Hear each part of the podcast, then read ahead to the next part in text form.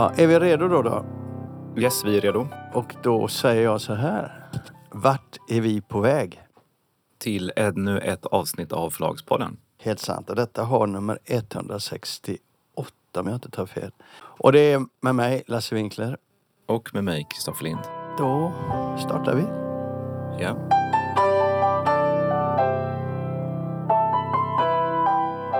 Ska vi börja med det mest kontroversiella? Åtminstone tycker jag det är det mest kontroversiella.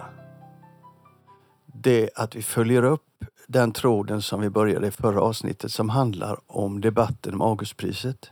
Där eh, Björn Werner i Svenska Dagbladet utgick vi ifrån då. Hans artikel om att han tycker att det var så tråkigt att läsa de här böckerna och han eh, hade inte väntat sig det. Så han tycker att det ser ut som att de som har valt de böckerna har missuppfattat vad Augustpriset ska vara. Och då sa vi det, vi tar upp det här när vi hör effekterna på alla som attackerar honom och då har vi hört det. Vad säger du då? Nej, men eh, det här har faktiskt blivit en debatt som har förts på lite olika plattformar i lite olika sammanhang och på lite olika kultursidor. Och jag har inte sett en enda person som håller med Björn Werner. Det verkar bara vara du och jag. Många är ju ganska upprörda. Den första som skrev om det var väl Sandra Stiscalo i DN. Hon skrev att hans text och hans kritik av Augustpriset får mig att vantrivas i kulturen. Hon skriver att Björn Werner är idag långt ifrån ensam om att döma ut det komplicerade eller rent av dunkla som en yttre brist. I detta fall hos litterära verket. Det är plågsamt att påtala men upplevd obegriplighet kan lika gärna handla om den egna koncentrationsförmågan, vanan eller förkunskaperna. Det blir liksom en, en eh, en kritik. Alltså, man tycker att det här är hans tillkortakommanden och jag har också följt en del såna här debatttrådar på sociala medier. Jag måste ändå säga det att hon missar ju totalt hans huvudpoäng. Att eh, Augustpriset är på väg att bli för eh, litterärt. Hon fokuserar på det som är enkelt för henne som debattör, nämligen att hon inte tycker som honom. Och hon vantrivs i kulturen. Vad menar hon med det? Jag tolkar det som att hon tycker att det som han ger uttryck för är en populism och en inställning att det ska inte... Alltså, många av dem som, som skrivit om det här och reagerat har ju känt sig hotade. Alltså, de, de, de upplever detta som ett slags påhopp på liksom, den smala litteraturen och det, den komplicerade texten och det komplicerade samtalet och så vidare. Och det är väl så hon, hon menar hon vantrivs i en kultur där man hela tiden ska bredda och popularisera och där man talar om storytelling och berättelser och sånt. Jo, men då tänker jag ju så här. Jag, jag har ju min tolkning av det hela. Jag tycker att hon är oförskämd och eh, arrogant. Hennes syn på kulturen får hon gärna ha, tycker jag. Och det finns gott om utrymme för henne att både diskutera och uppleva den typen av kultur, eller kultur på det sättet som hon vill. Utan att jag ska vantrivas för att hon gör det. Men det är inte bara det att de känner sig hotade för att någon inte tycker som dem. Utan de vill att den synpunkten som Björn Werner ger uttryck för ska bort, ska inte finnas. Och här ser vi ju det när vi tittar på de här eh, trådarna på nätet, eller hur? Ja, ja visst. Nej, men de, och de är väldigt hetska de här trådarna. Ja, du hade, du hade plockat fram ett par trådar i alla fall som jag tycker vi kan lyfta på lite för att få folk som lyssnar att förstå ungefär hur hög debatten är. Men jag hävdar ju direkt innan vi har kommit så långt att verkshöjden på de här inläggen den existerar inte. Och det är intellektuella människor i stort som har gått ut på nätet och haft synpunkter. Och de är en barmligt låg nivå på dem. Jag kan ta några, jag citerar några personer, eller jag säger inte vilka det är, men jag citerar några saker som folk har skrivit. För det är intressant hur man liksom landar i en sån här debatt, hur man uppfattar detta som en, en vulgär kraft i, liksom, i kultursamtalet. En person skriver att Björn Werner han, det är en flört med marknadsfundamentalister och hö, höande kulturhatare. Ska du inte säga vem det är? Nej, det spelar ingen roll vem det är. En annan person skriver att det är så oansvarigt att publicera den typen av texter. De fördummar hela det offentliga samtalet. Det är bäst att ignorera dem. Och en annan person skriver att det verkar finnas en rädsla för allt man inte direkt förstår. Och en, en talar om populismens feta mylla. Ja, det fortsätter. Det... Ja, men det som är intressant är att de läser ju som fan läser Bibeln, de här människorna. Och de är, känner sig hotade och då för de inget resonemang utan bara hatar. Alltså i de här trådarna så ser man också vilken dålig journalist Werner upplevs vara då utav de som säger det. Det är inte så att de argumenterar utan de bara häver ur sig detta. Och det är folk i bokbranschen, det är folk inom journalistiken och det är... Ja, jag, jag skäms för deras vägnar över den låga nivå de har alltså. Skäms jag. Jag tror inte de skäms, så jag får skämmas för dem också då. Men man får ju ha olika uppfattningar om eh, Absolut. litteraturens ställning i samhället och så vidare. Men vad jag tycker är väldigt intressant är också hur många läser in sin egen världsbild i Augustpriset. Vad är egentligen Augustpriset? Augustpriset är ju inte som många litterära priser ett litterärt pris i första hand utan det är ju ett, liksom en slags marknadspris. Ett pris som tillkom för att man ville ha ett branschpris som satte boken i fokus och som skulle kunna göra att eh, bokbranschen fick mer uppmärksamhet och som skulle kunna sälja bra. Det var ju Per Gedin som instiftade Augustpriset och han berättade lite grann om det på Augustprisets hemsida. Tanken var inte att det skulle vara ett smalt litterärt pris utan att det skulle vara ett just, det skulle gå till a good read. Gärna något författarskap som kunde få en skjuts. Och där finns ju liksom en inbyggd motsättning för att om man går mot allt smalare så kommer Augustpriset att tappa i räckvidd och liksom i, i förmåga att liksom skapa intresse för böcker och bokbranschen. Mm. De här kritikerna har ju inte gjort sin hemläxa när de hoppar på Björn Werner. De kunde gått in på augustpriset.se och där ser de grunden för Augustpriset. Nu är det ju så att de som utser de här böckerna, eller de som får uppdraget, deras mandat finns ingenting skrivet. Och det borde det nog göra. För de tolkar ju det med tiden som det här priset har funnits sedan 86. Mm. Och tiden och tidsandan gör ju att ett sånt här pris det svänger och kränger upp och ner. Och beroende på tidsansan så får det annan tyngd emellanåt. Och då borde faktiskt, tycker jag, Förläggarföreningen sätta sig ner och fundera och, och titta på den här debatten, om man nu ska kalla den så. Och fundera över varför det ser ut som det gör och om de borde göra någonting. För det tror jag man måste göra med jämna mellanrum. Men tittar man på Per Gedins bakgrund och tittar man på historiens bakgrund så har ju alla de här kritikerna fel. De säger det så här, Augustpriset är ett kommersiellt pris. Det är till för att böcker ska bli lästa det är inte till för att litterära texter ska eh, honoreras. Det får vara andra pris till det. Det här är för att bokhandeln ska få storsäljare till jul. Och det är ju Förläggarföreningen som håller i det. Mm. Inte Svenska Akademin. Men det är intressant att de här människorna som är så väldigt tydliga och så väldigt eh, självsäkra, de gör inga hemläxor, de läser inte på. Och den där tråden som vi inte tog upp så mycket, du vet, han råkar ju skriva skrivskoletexter. Och då var ju några skrivskolelärare, de blev ju, där gick ju topplocket på dem. Ja, det gjorde det verkligen. Och då spydde de. Otroligt! Och det är lite grann man ska fundera på. Alltså jag vet ju att samma människor de tycker ju att trollen, och de är alltid höger, råhöger enligt de här människorna, de förstör samtalet på nätet. Men det är inte sant. Alla förstör samtalet på nätet. Inte minst de här människorna. De har väldigt mycket att stå till svars för. Och attacken på Björn Werner var som sagt skamlig. Men det lär de väl aldrig... Dit kommer de väl Men sen, aldrig. Bak, bakgrunden till att många känner sig så hotade och blir så arga det är ju också för att många som är verksamma inom den del av bokbranschen som är mer litterär eller smal har ju väldigt svårt idag. Vi har ett inslag om det som kommer i en senare podd som handlar just om hur upplagorna för romaner har sjunkit och så vidare. Och där tycker man ju då att man ska inte avveckla sånt som man ändå upplever som positiva krafter. Och att försöka popularisera Augustpriset blir då för dem i det sammanhanget ytterligare liksom ett slag mot något som ändå håller på att brytas ner. Vi lever ju i en tid där det är ganska svårt för romaner, smal litteratur, poesi, den goda fackboken så är det ju. Men det är fel strid de tar där då. Mm. Och de blir ju väldigt impotent den här striden. Den är aggressiv och arg men väldigt impotent. Om de tar den här alltså. Jo. Ja, nej jag tror att eh, Augustpriset, tillskyndare och eh, förläggarföreningen ska tacka Björn Werner för att han satte igång den här debatten. Det behövdes uppenbarligen. Och man behöver nog eh, gå igenom det med jämna mellanrum som sagt. Så det uppmanar jag förläggarföreningen att ta ett fundering, strategisk fundering. Mm. Ska vi gå vidare? Vi går vidare. Och då tar vi DSM-direktivet. Oj, ja det blir svårt. ja, eh, ska du berätta vad, vad det är för något? Jag kan göra ett försök att berätta vad det är så som jag har uppfattat det. DSM-direktivet är ett nytt EU-direktiv som eh, DSM står för Digital Single Market och det är alltså ett slags ett direktiv som på upphovsrättsområdet som ska reglera de eh, digitala rättigheterna, den digitala upphovsrätten. Och det är ett ganska omfattande direktiv. Det omfattar musik, det omfattar kulturarvet och det omfattar alla möjliga saker. Så det är inte så mycket av det som har betydelse för bokbranschen. Men det som finns där om bokbranschen är, är intressant och det, det kommer att få viss betydelse. Mm. Det rör sig i första hand om två saker. Det ena är rätten till information Det handlar alltså om att författarna ska få en uttömmande information om hur förlagen har räknat ut underlaget för deras royalty. Den, den ska vara liksom ja, som det står, uttömmande helt enkelt. Och de ska ha rätt till ytterligare information om de inte, inte förstår och så vidare. Och det andra är att man har rätt till skälig ersättning som det heter. Att eh, man, den ersättning som förlagen betalar helt enkelt ska vara skälig.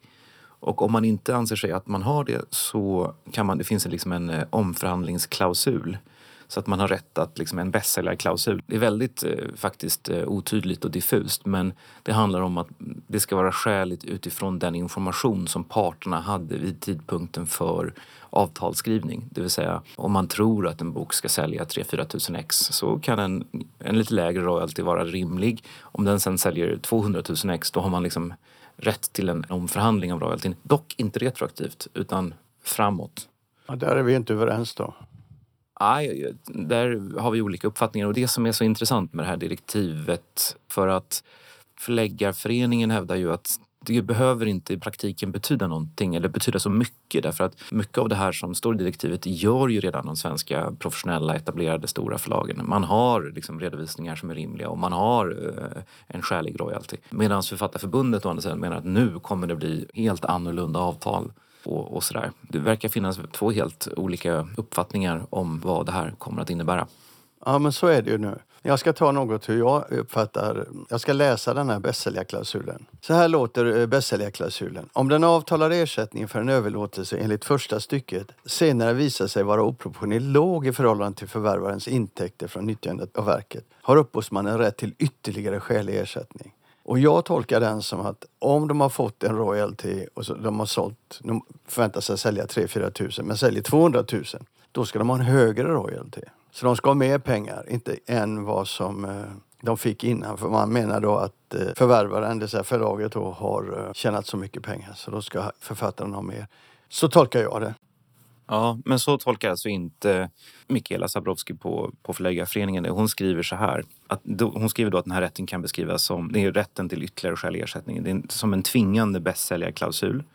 En upphovsperson kan med stöd av den här regeln vända sig till förlaget och begära mer ersättning när det visar sig att den avtalade ersättningen är oproportionerligt låg i förhållande till, till förlagets intäkter från verket. Mm. Regeln fungerar som en tvingande omförhandlingsmekanism som kan få effekt framåt Förlaget är alltså inte skyldigt att betala retroaktiv ersättning för oväntade framgångar. Däremot föreslås regeln få retroaktiv effekt i den meningen att den ska gälla på upp till tio år gamla avtal. Oj, nu fattar inte jag det sista du sa. Att... Nej, jag fattar inte det heller. Men det här visar ju, alla som lyssnar förstår hur, hur ingen fattar någonting. Jag tolkar det som att upp till tio år gamla avtal kan man omförhandla. Alltså upp till tio år gamla avtal omfattas av den här att man kan förhandla om dem så att från och med nu så är det en, en högre royalty som gäller. Och jag tolkar det som att avtal som är ännu äldre, de går liksom inte att riva upp. Ja, jag tolkar det som att man har rätt till en ytterligare omförhandling i gällande avtal. Så tolkar jag det. För det står... Ja, man har rätt till en gällande omförhandling. Så att om du har ett avtal med oss på dina memoarer mm. som jag trodde skulle sälja i 50 ex och de har sålt i 5000 ex. Då har du rätt att få en högre royalty från och med nu. Men inte liksom... Och jag tror då att från och med starten. Ja, men det tror inte jag. Så tolkar inte jag det här. Nej. Men det här blir liksom... Nu är inte varken du eller jag är någon jurist och eh, det ska bli väldigt spännande att se vad som händer här. För att det kommer nog behövas en del domstolsbeslut mm. för att man ska skapa någon slags praxis. Och det blir spännande att se om parterna vill låta domstolar reda ut det här eller om man kommer liksom hitta någon slags lösning. Men det är en och samma grund i hela EU 27 staterna. Så att det kan ju bli så att det kommer ett domstolsavgörande i en annan, ett annat land. Vi får se. Men jag, bara en sak till som är intressant tror jag. Det är den här informationsplikten. Den tror jag ska vara, enligt pappret i alla fall, ser ut att de menar att det ska vara större och mer omfattande än tidigare. Jag vet inte om det blir så, för jag håller med dig. Det här är otydligt. Ja, det, ersättningen ska vara skälig. Informationen ska vara uttömmande. Ja, ja. Och då kan man ju fråga, vad är uttömmande då? Mm. Ja, vi släpper detta. Va? Bara, bara att vi ville få folk som lyssnar på podden att förstå att det här kommer att bli ett eh, debattämne framöver? Ja, framförallt så kommer det bli en fråga om att hitta en praxis och att kanske hitta... Om man tolkar det här direktivet, det här luddiga direktivet så olika så måste det till liksom någon slags domstolsavgöranden på det. Så det blir väldigt spännande att följa. Men det gäller alltså från och med 1 januari. Sen om Förläggarföreningen och Författarförbundet liksom hittar någon slags gemensam nivå på vad de, vad liksom, hur man ska lösa det här, det vore ju faktiskt väldigt tacksamt för då skulle vi slippa domstolsprocesser och sånt. Det gäller ju, oavsett vad, vad de kommer fram till, så gäller ju direktivet och det är alltså ett tvingande direktiv. Men det finns inga sanktioner om förlagen bryter mot det. Nej, och alla regler i gamla avtal, om man försöker använda dem så är inte de giltiga om de inskränker det här direktivet. Nej, det, här alltså, det går inte att förhandla bort det här direktivet. Så det, det stärker författarnas och upphovsmännens ställning ganska kraftigt. Gör det? Det står också en sån här grej som är väldigt oklar. Det står liksom att alla upphovspersoner har rätt till att få den här redovisningen. Exempelvis översättare är ju intressanta där för de har ingen royalty utan de får en ersättning för, för sitt utförda arbete. Ska de ha också då rätt till en uttömmande redovisning trots att de inte ska ha någon royalty? Det finns många frågor där ja. Mm. Ja, vi lär väl få se det när det börjar. Det lär bli uppmärksammat i media om inte annat. Ska vi släppa den här gången? Ja, vi släpper Och så ska vi ta en grej till, tänker jag, tycker jag. Och det är, är det Respons? Ja, tidningen Respons har lagt ner. För de som inte vet vad det är så är det en tidning med fokus på facklitteratur, kritik, recensioner, essäer runt svenskutgiven facklitteratur. Riktar sig till universitet och högskolor har den gjort, till de miljöerna. Och de har levt på pengar från rätt stora bidragsgivare, stiftelser och, och, och så. Och nu har det med åren blivit mindre och mindre av de bidragen och eh, de får svårare och svårare att få det att gå ihop. Så nu slog de vantarna i bordet. Det blir inget mer. De la ner. Det här är sista numret som kom nyligen. Och det där, jag gillar respons men jag var ingen läsare för jag tyckte det var för snävt inriktat mot högskola och eh, universitet. Och där var inte jag riktigt intresserad av den lite dammiga debatterna som jag tyckte då. Jag hade velat ha en tidning i så fall som mer riktade sig ut mot en bildare eller bred allmänhet. Och det kanske de tyckte att det var, jag vet inte. Vad tycker du? Men vad tyckte du om tidningen? Alltså, jag ska erkänna att jag faktiskt inte läste den. Och jag ska också erkänna att eh, under de tio år som Respons har funnits så har de recenserat en Linn Company-bok. Det kan vara två, jag är lite osäker på det. Och jag ska erkänna att det har gjort mig lite... lite jag tyckte att den har inte varit så intressant. Och då kan man i och för sig säga att Lena Company har ju inte kanske riktigt en utgivning som, som passar dem. Men, men det stämmer inte riktigt för just vad gäller fackböcker och historia och sådär så har vi en ganska kvalificerad utgivning, om än rätt liten. Men eh, ja, så jag har inte tyckt att den varit relevant för mig. Det är ju tråkigt att det inte kan finnas en tidning som fungerar som en brygga mellan liksom den akademiska världen och den lite mer bredare allmänheten. Det skrivs ju väldigt lite om fackböcker på kultursidorna. Kultursidorna recenserar ju 80-90 procent skönlitterära böcker. Så det är tråkigt att det inte... Det har ju verkligen funnits ett behov ur förlagens synpunkt och författarnas synpunkt så har det funnits ett behov av en tidning som lyfter fram fackboken. Mm. Och fackboken är också en bok som ju är väldigt hotad, eller hotad ska jag väl för mycket att säga, men det är, fackboken funkar ju inte så bra digitalt. Och när upplagorna sjunker så är det ju liksom ett utgivningsområde som vi ser delvis kommer försvinna och förändras. Så det är klart att en, en, en tidskrift som recenserar fackböcker är ju inte fel. Men jag tror som du att den borde kanske ha varit lite bredare i den meningen att den kanske skulle handla lite bredare om branschen, om eh, utgivningstrender, om jag vet inte. Det är en väldigt tung och mastig tidning. Ja, men det är en del eh, debattörer som har tyckt att det här pekar på en, vad ska man kalla det, en förytling utav samtalet och universitetens eh, syn på de här frågorna. Alltså det är så här, en del, en del debattörer har tagit upp det som tidningen själv tar upp i sitt avskedsnummer. Att universiteten har satsat väldigt mycket på kommunikatörer men väldigt lite på lärare. Ja, jag, de, de lyfter fram någon statistik som säger att antalet informatörer och kommunikatörer som jobbar med värdegrunder och sånt har ökat med 60 procent de senaste tio åren samtidigt som antalet lärare och forskare är, liksom, är, står stilla. Så att man, man lägger hundratals miljoner kronor på information och om att man ska leva upp till olika idiotiska regelverk och värdegrunder men ingen är intresserad av att liksom, det intellektuella samtalet och så. Där tycker jag ändå att de har en poäng. Mm. Sen är det ju inte, om ingen läser tidningen så kanske den ändå inte liksom har någon existensberättigande för då når man ju ändå inte ut, även om pengarna finns så att säga. Mm. Men jag tycker att det är ändå en intressant eh, jämförelse. Så även om inte du, varken du eller jag var någon eh, prenumerant så är det lite tråkigt att det inte finns. Ja, det är tråkigt. Att det inte kan löna sig att ha ett sånt samtal. Ja, vi släpper det. Mm. Och så avslutar vi det här avsnittet med att eh, göra som alla andra vid den här tiden på året. Vi ger er en massa lästips. Jag gör det med glädje och Kristoffer gör det med viss motstånd. Men så här låter det när vi pratar böcker.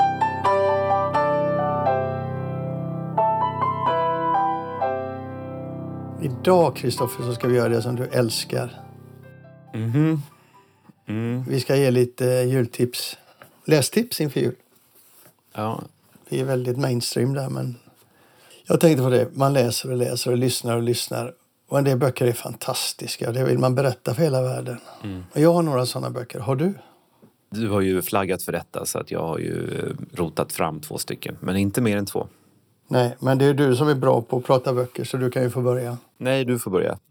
Ja, Jag tycker nämligen det, det tar mig emot det här. Det här är ingen litteraturpodd, det är ju en förlagspodd. Ja, nej, men vi kan väl alltid bryta reglerna. Ja, det kan vi. En bok som jag vill, vill lyfta det är Vargatider av Harald Järner, en tysk författare. Ja, men den har jag faktiskt börjat läsa. Mm, Daidalos är förlaget. Boken handlar om hur tyska, Tyskland gick direkt från kriget in i 50-talet. Dels på, så, så var förutsättningarna oerhört, oerhört svåra. Oerhört, oerhört dåliga. Vi, vi klagar idag över strukturer, eh, sammanbrott i samhällen och så. Men där var ju tio gånger värre. Och ändå i denna fasansfulla efterkrigstid som ju var väldigt, väldigt svår lyckades man få med, kanske inte alla, men lyckades få med samhället, bygga ett nytt samhälle på väldigt kort tid. Man fick göra eftergifter såklart mot eh, moral och massa saker. Men jag lärde mig otroligt mycket av att läsa Vargatider. Den var spännande som få böcker. Sen är min, en av mina absoluta favoriter, Chris Whittaker. Så att han skriver deckare med väldigt höga kvaliteter. Språket, karaktärerna, dialogen. Men också handlingen är fantastisk. När man har läst en Chris Whittaker-bok så är man lite vilsen, tycker jag. Och så vill man stanna kvar och så tycker man att man har varit med om en berättelse som alla borde lyssna på. Finns de översatta till svenska? Naturkultur gav vi ut nu i år. Den senaste som heter Vi börjar vid slutet. Den är magisk. Den är värd att chansa på. Sen rekommenderar jag allt av honom. Jag ska avsluta med en, bara för att få dig att orka, jag ska avsluta med en Lindbok. Men sen två till. Lindbok? En Lind Company-bok, det trodde du inte. Nej. Och sen en riktig, riktig skröna. Och den är ju gammal då, men jag läste den i år. En gentleman i Moskva av Amos Towles. Ja, den är kul. Ja, den utspelar sig i Moskva på 20-talet. På ett hotell, kort uttryckt. Och det är en skröna som alla borde läsa, tycker jag. Sen sist då. Det här är en bok som började som en ljudbok. Och sen så fick du ge ut den efteråt i papper.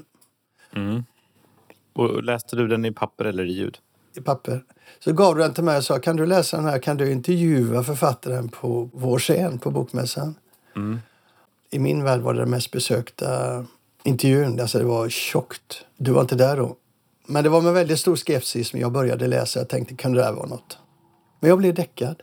Jag blev totalt däckad när jag läste den. Som jag sa till författaren, det var en svart liten pärla du har skapat, sa jag. Säger du det, sa hon. Och det är alltså Barbro före Babben och Babben Larsson när hon berättar om sin uppväxt och sin väg till att bli skådespelare. Det var också en sån där feel bad, feel good berättelse som jag normalt inte läser. Men som tog mig väldigt starkt. Så jag uppmanar folk, läs den innan ni lyssnar på julvärlden i år. Den är inte lång, men den är hela tiden eh, intressant. Och den är jobbig, jobbig, jobbig. Det är alltså en, eh, från början en Storytel Original som vi har gjort som ljudbok. Så det är egentligen en Storytel-bok. Mm. Nu tror du att jag tog med den bara för att fjäska med den, men det gjorde jag faktiskt inte. Nej, nej, jag vet att det är en bra bok. Nu får du chansen då. Jag har försökt göra det lite kort så jag har bara två stycken böcker. Och eh, det, man läser ju så otroligt mycket på ett år. Och det är svårt att säga vad som är bäst. Och egentligen så är det väl alltid så att de böcker som fastnar kanske inte alltid är de som objektivt sett är bäst utan det är de som har överraskat mest. En sådan bok, kanske den som överraskat mig mest, det är faktiskt en Bonnierbok. Det är en klassiker. Det är Familjelexikon av eh, Natalia Ginsburg. Lexico familiare på italienska. Och det är en bok som hon skrev på 60-talet och som vann Strega-priset då. Och som kom i översättning på Bonnier då. Men det här är en nyöversättning av Johanna Hedenberg och det är en väldigt bra översättning. Det är en ganska liten bok, rätt tunn bok. Det är en självbiografisk bok men den ska läsas som en roman. Men hon skriver själv i inledningen att platserna, händelserna och personerna i den här boken är verkliga. Jag skrev bara det jag mindes. För det är en väldigt rolig bok i synnerhet för den som har lite intresse för förlagshistoria. För att hon gifte sig med eh, Leone Ginsburg som var med och bildade Einaudi, det legendariska italienska skönlitterära förlaget. Han bildade tillsammans med eh, Giulio, heter han, Einaudi. I den här kretsen så dyker alla möjliga kända italienska intellektuella upp. Det är Cesare Pavese som också var en av grundarna av Einaudi, en stor italiensk författare och eh, han begick senare självmord och hon gifte sig med Leone som sen dör i, under tortyr i Rom 44 eller sånt där. Det är en väldigt rolig bok. Hon har en pappa som är en familjetyrann. Han eh, kallar barnen för åsnor och han säger att de har grobianfasoner och han kan vakna mitt i natten för att berätta någonting för sin fru som han har kommit på. Och det är ett myller av människor, utav intellektuella som finns i den här familjen. Det är som en parodi på en stor italiensk familj. Men där finns också väldigt mycket värme och kärlek och otroligt mycket humor. Jag tycker att det är en oavbrutet rolig bok att läsa. Och den är också skriven på ett ganska fragmentariskt sätt. Det bara nämns och sen gifte jag mig med honom. Och sen hände detta och sen hände detta. Men det är en eh, underbar bok faktiskt. Jag skulle gärna haft den i, i vår klassikerserie. Mm. Hennes böcker har börjat översättas på nytt. Jag vet att eh, Daunt Books har givit ut henne. Det är något tyst förlag som också har givit ut henne. Jag undrar om inte Europapress också har gjort det. Så hon har fått lite grann av en renässans. Sen har vi en eh, Nyrstedt-bok. Och det är eh, Ove Wittstocks bok Februari 33, Litteraturens vinter. En annan sak som är roligt när man läser böcker det är ju när man lär sig någonting nytt eller när man kommer till insikter som man kanske inte riktigt hade. Senare kanske vanligare när man läser romaner men att man lär sig någonting nytt. Den här boken, Ove Wittstocks bok, det är alltså en bok som skildrar en dryg månad i Tysklands historia från 30 januari 1933 fram till vad det nu blir. 5 mars eller? 5 mars, ja precis någonting sånt. Och det är helt enkelt en, en kort period men det är alltså en period från Hitlers maktövertagande och det är en period då Tyskland går från att vara en någorlunda eh, välfungerande rättsstat till att bli en diktatur. Men det tog fyra, fyra veckor och två dagar, skriver författaren i boken. Alltså det går otroligt fort och det är det som, är, det är det som man lär sig. Och framförallt kanske att alla de här intellektuella som boken handlar om, det är Thomas Mann, det är Bertolt Brecht, Josef Roth, Else Lasker Schüler. Några av dem, Josef Roth, han lämnar ju Tyskland tidigt och eh, tror sig förstå, men andra förstår inte. Och, ehm, det är väl det som är liksom den stora insikten att det är väldigt svårt att det, det är väldigt lätt att i efterhand säga varför, varför försvann de inte, varför, varför gjorde de inte uppror, varför, därför, därför att de inte kunde förstå att detta kunde ske. Och den här boken är skriven precis som eh, tidigare böcker som 1913 av Florian Ill eller Ostende 1936 av Folke Weidemann. Att det är alltså en mosaik av röster som tillsammans bildar någon slags helhet. Och det är intellektuella författare? Ja, det det intellektuella, precis. Han har gått igenom dagböcker, brev etc. Jag tycker både Florian Hill och Folke Weidemann gör det bättre. Men det här är en väldigt spännande historia som han berättar. Den helhet som här berättas är väldigt, väldigt fascinerande. Mm. Så den kan jag varmt rekommendera. Vi har ju gett ut en bok som heter Feber, Berlins universum av Peter Walter. Den är väl också en sån här bok där man faktiskt lär sig någonting. Och det jag lärde mig av den det var just två saker. Det ena är hur mycket våld och ond bråd död, hur mycket folk som faktiskt mördas på båda sidor under 30-talet. Men också hur in i det sista oklart det var att det faktiskt skulle bli som det blev. Ingen trodde det och det var hela tiden en maktkamp där det inte alls såg ut som att Hitler skulle komma vinnande ur det här.